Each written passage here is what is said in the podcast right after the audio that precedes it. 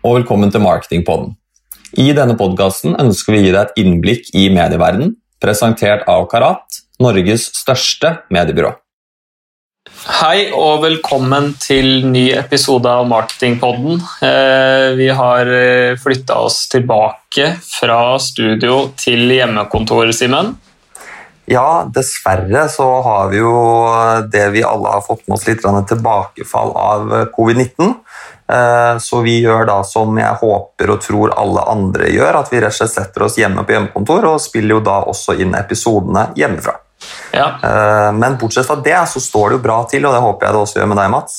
Det gjør det. Det står bra til. Eh, vi, jo, vi har jo heldigvis vært igjennom dette en gang tidligere, så så vi vet jo hvordan vi skal få til ting, og heldigvis så er vi jo såpass digitale at eh, det hindrer oss ikke i å spille en ny episode. Og i dag har vi jo med oss eh, nok en spennende gjest på Teams. Det har vi. Eh, jeg, som vi snakket om litt, både du og meg oss imellom også, var litt at dette er kanskje den episoden som gjesten har blitt mest påvirket av både covid vi har med oss Øystein Larbøl, eh, som jobber i MKTG hos oss, altså et eventbyrå. Og det er jo ikke noe tvil om at denne eventbransjen har blitt eh, ekstremt hardt truffet av dette viruset. Så velkommen til deg, Øystein. Takk skal dere ha. Hyggelig å være her. Ja, det er hyggelig å se deg også. Vi tenkte Først så kan du jo kanskje introdusere deg selv og si litt uh, hva du driver med til vanlig. Ja, jeg har gleden av å drive MKTG. Ehm, det er det jeg gjør til vanlig. Det har selvfølgelig vært litt mer utfordrende i år enn tidligere år. Ehm, men eh, det har jo også vært eh, noen oppturer gjennom året, så det gleder jeg meg til å fortelle litt om. Ja. Mm, så bra. Eh, jeg tenker jo egentlig, litt som vi også har eh, vært inne på, dette er jo en bransje som har blitt truffet veldig hardt av covid-19. Eh, kunne ikke du tatt oss litt igjennom et sånt overblikk av hvordan er det bransjen du opererer i, ser ut nå? Ja, er jo, Vi er jo utvilsomt mest utsatt, i hvert fall av de vi sammenligner oss med her. Og, og vi fikk jo egentlig en bråstopp da i mars eh, med tilnærmet 100% kanselleringer og stopp av alle kampanjer og prosjekter som vi jobbet med da. Eh, og så begynte vi som alle andre å snu oss rundt for å se hva kan vi gjøre for å møte denne nye situasjonen. Eh, så Eh, sakte, men sikkert så, så, begynte jo både vi og kunder og partnere å finne løsninger som, som skulle være tilpasset da, eh, denne nye covid-19-situasjonen. Så Jeg liker å si at eh, altså, vi er jo mest utsatt, men vi er jo samtidig også de mest tilpasningsdyktige. Vi har ikke mye hyllevare, vi har ikke noe faste løp som vi må følge.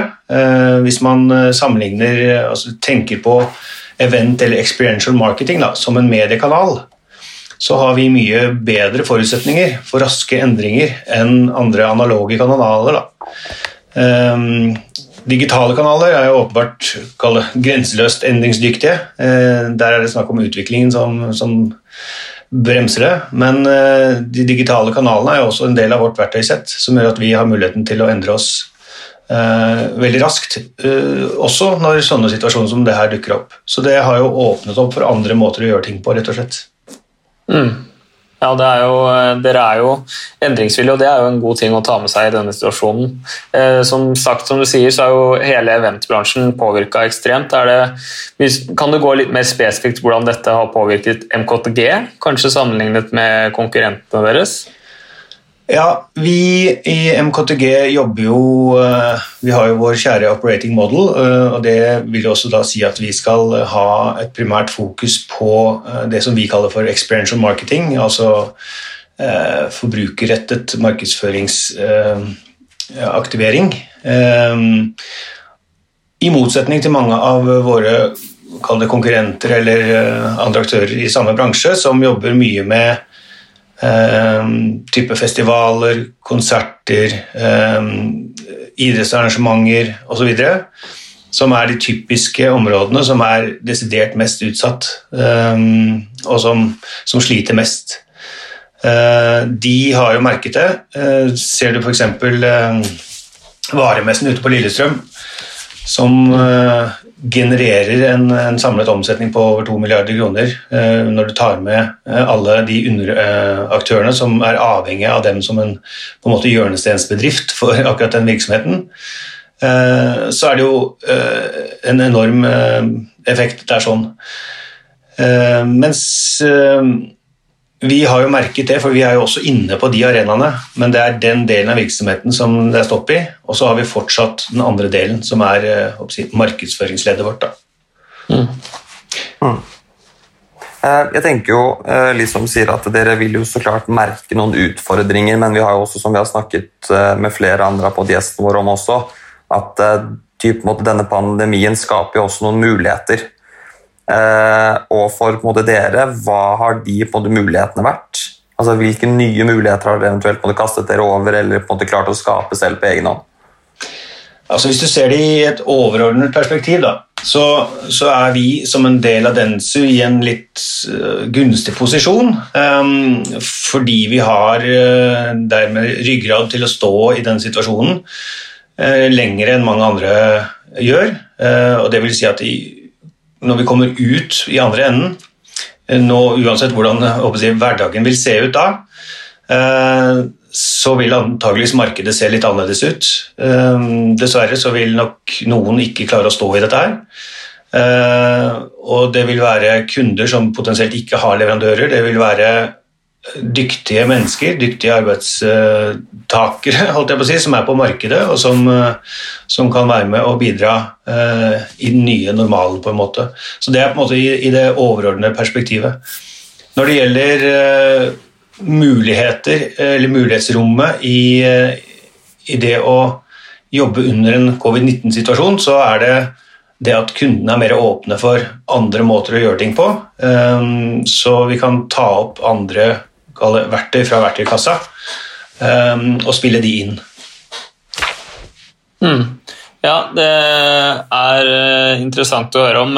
Jeg har jo lyst til å gi deg muligheten Øystein, til å få lov til å skryte litt også. Eh, er det noe dere har fått til, eller noe dere har eh, gjort som du er stolt av i denne perioden, som du har lyst til å fortelle litt om?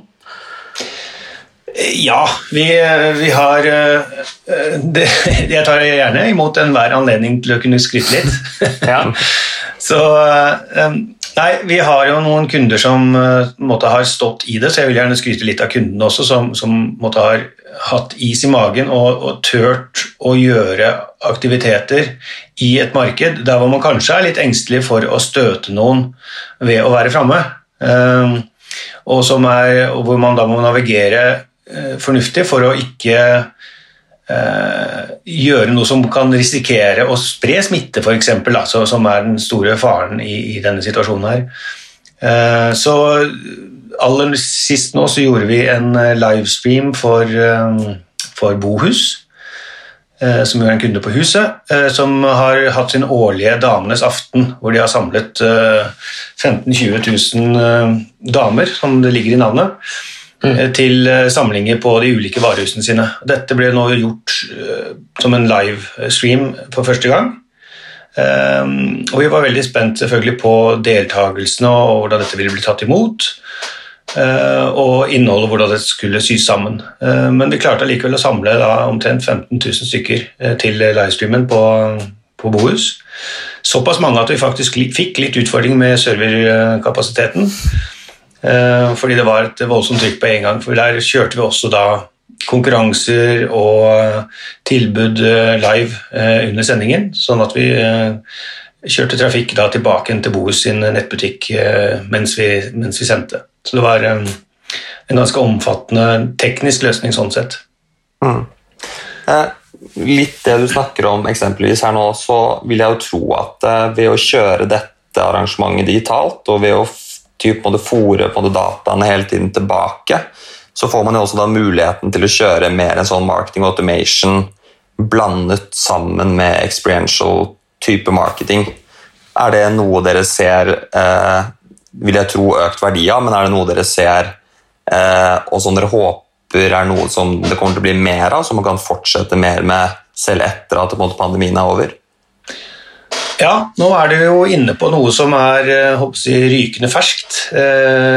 Så det blir jo litt sånn jeg, premierelansering av akkurat det temaet her. sånn. Vi diskuterer eh, det, eh, og kombinasjonen mellom det vi gjør altså eh, Det høres jo litt sånn voldsomt ut med experiential marketing, men i mangel av et bedre norsk ord, så er det det begrepet jeg bruker. Ehm, så er det da i kombinasjon med marketing og automation en rekke muligheter. Og det handler jo i veldig stor grad om det å, å skape um, en ekstraordinær kundeopplevelse um, for de som er med på den kundereisen gjennom um, automation-løpet. Så eh, det vi diskuterer sånn, i korte løp, er jo hvordan vi kan dra nytte av de dataene som kommer frem gjennom uh, automation-løpet, frem til kunden eventuelt er uh, i en fysisk um, filial. Det kan være Eh, hos en forhandler, eller det kan være når du skal hente ut noe du har bestilt. Det kan være en grill, sykler, klær, matvarer, bil. Eh, alt som egentlig hentes eh, fysisk. Og dette har sikkert veldig mange andre muligheter òg, men det er på en måte i det leddet vi har begynt. Og når man da kommer og henter noe, eller har en fysisk interaksjon med de som, hvor du har holdt dette løpet, så kan vi øke den eh, opplevelsen eh, for kundene idet de kommer. Vi vet allerede veldig mye om deg, så vi kan ønske velkommen til Kari. Her har vi de nye Weber 3000-grill klar. Petter her jeg står klar til å hjelpe deg med å bære den ut i bilen, og vi eh, kan bidra nå med et introduksjonskit, for vi ser at du heller ikke har hatt en Weber før. Mm. Så de får en ekstremt personlig opplevelse av handelen, også når de kommer fysisk. Mm. Er, eh, vi er glad for at du kan eh, komme med noen premierer, Øystein. Det setter vi pris på i podkasten vår. Jeg tenkte, Vi har hatt besøk av Vi hadde jo en podkast med Steffen i Nordavind som snakket litt om e-sport, og det er vel kanskje den idretten som har fått mest løft i denne perioden, siden man ikke kan ha tilskuere fysisk til stede på noen andre idrettsarenaer. Eh, og jeg vet du er interessert i dette også, Øystein, med gaming og e-sport og dette gamification-begrepet. Har du lyst til å fortelle litt om det? Hvordan dette har utvikla seg i denne perioden? Ja, jeg kan jo begynne med, med e-sport, eh, eller da gaming for den saks skyld. Eh, og ikke, ikke, at det er samme sak, men, men det som jeg syns er litt interessant der er eh, potensialet, eh, og det uforløste potensialet i e-sport. Vi har jobbet en del med det nå i de siste månedene, også i, i fjor. Hvor vi jobbet med å, å utvikle en, en ny e-sportturnering som ikke er uh, satt i gang ennå. Uh, den fikk jo litt sånn brems av uh, covid-19. Mm. Um, så det er noe som blir tatt opp igjen. Men eh, det som, det som jeg så i arbeidet med den, er jo at det fortsatt er preget av litt sånn kall det forutinntatthet blant annonsører om at dette er en, en nisjesport og en nisjearena hvor det kanskje er elektronikkbransjen eller softwarebransjen eller eller eh, energidrikk som, som, har eh, noe å gjøre. Men når man ser på tallene for den veldig voksende eh, publikumsbasen er sånn, så ser man at den er enormt stor, og den er veldig divers. Så det vil si at her kan alle typer annonsører treffe sin målgruppe. Dette her er mennesker som kjøper et fullt fullt spekter av FMCG-produkter. Det er eh, eh, De handler klær, de har hobbyer, de driver med idrett. Eh, de, de har behov for banktjenester og forsikringer og biler.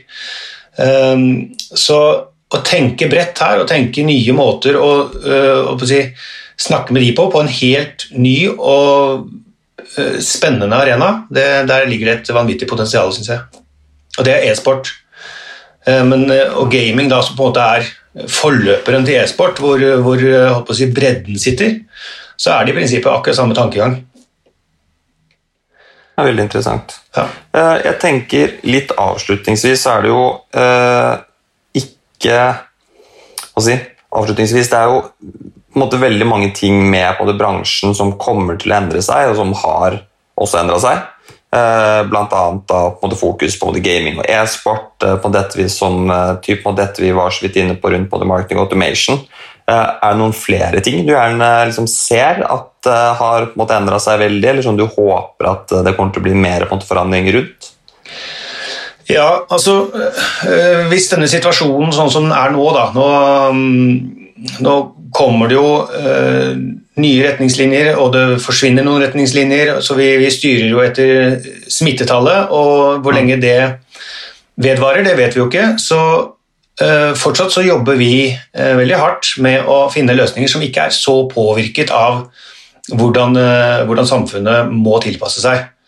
Um, og det vil si at Vi jobber i, i det offentlige rom, hvor, hvor mange nå beveger seg uansett. Da. Eh, enten det er i form av uh, ute på gatebildet, eller om det er i kollektivtransporten, eller om det er uh, i andre si, knutepunkt for bevegelser. Uh, og jobbe med det. Og I utgangspunktet så er ikke forskjellen så stor som man kanskje skulle tro. Fordi folk er i disse rommene allikevel. Og så lenge vi gjør aktiviteter som ikke krever at man stopper opp, eller at det er felles touchpoints, eller altså kontaktflater, fysiske kontaktflater, så er risikoen lav. Eh, Vi får den oppmerksomheten som vi har jobbet med tidligere, og vi får eh, presentert eh, kunden eller opplevelsen på tilnærmet samme måte. Dere nevnte jo også gamification. Det er også noe som man kan leke seg litt med i denne situasjonen, hvor man måtte gå med litt mer eh, høye skuldre blant folk. Eh, Man er litt mer skeptisk i det rommet man er i, og prøve å gjøre noe positivt ut av det. Eh, Det er jo mange måter å håpe å si å, å gamifikere, eh, for å bruke et helt nytt uttrykk, eh, noen opplevelser. Men eh, som et eksempel, ta utgangspunkt i, i Pokémon Go. da. Eh, bare for å gjøre turen til eh, skole eller jobb litt eh, mer spennende eller annerledes. Så kan man, kan man gå inn i, i mobile devices, holdt jeg på å si, og, og skape et, et opplevelsesrom som, sammen med annonsører som gjør at de hverdagslige tingene man gjør, blir litt annerledes og litt morsommere. Jeg tror alle trenger en uh, liten opptur, eh, og det er jo veldig mye rom for å skape seg en Særlig dette med å skape seg kanskje en uh, alternativ virkelighet, da, der man kan rømme litt. Fordi det er mye smittetall og R-tall og pressekonferanser om dagen uh, i hodene til alle. Ja. Jeg tror at det kanskje var det vi rakk, Øystein. Det var veldig hyggelig å ha deg på besøk, og jeg har lært mye. Ja, takk for det. Jeg kommer gjerne tilbake. Jeg har masse mer å prate om, jeg. Så det er bare å si ifra når døren er åpen igjen. Ja, da skal vi, vi, vi kaller deg inn, vet du. Så sitter vi jo på Teams, og vi er eh, raskt tilgjengelige, så vi, det er godt å høre. Eh, Da tenker jeg vi takker for nå, og så snakkes vi neste gang. Det det. Takk for meg. Ha det godt. Ha det godt. Ha det bra.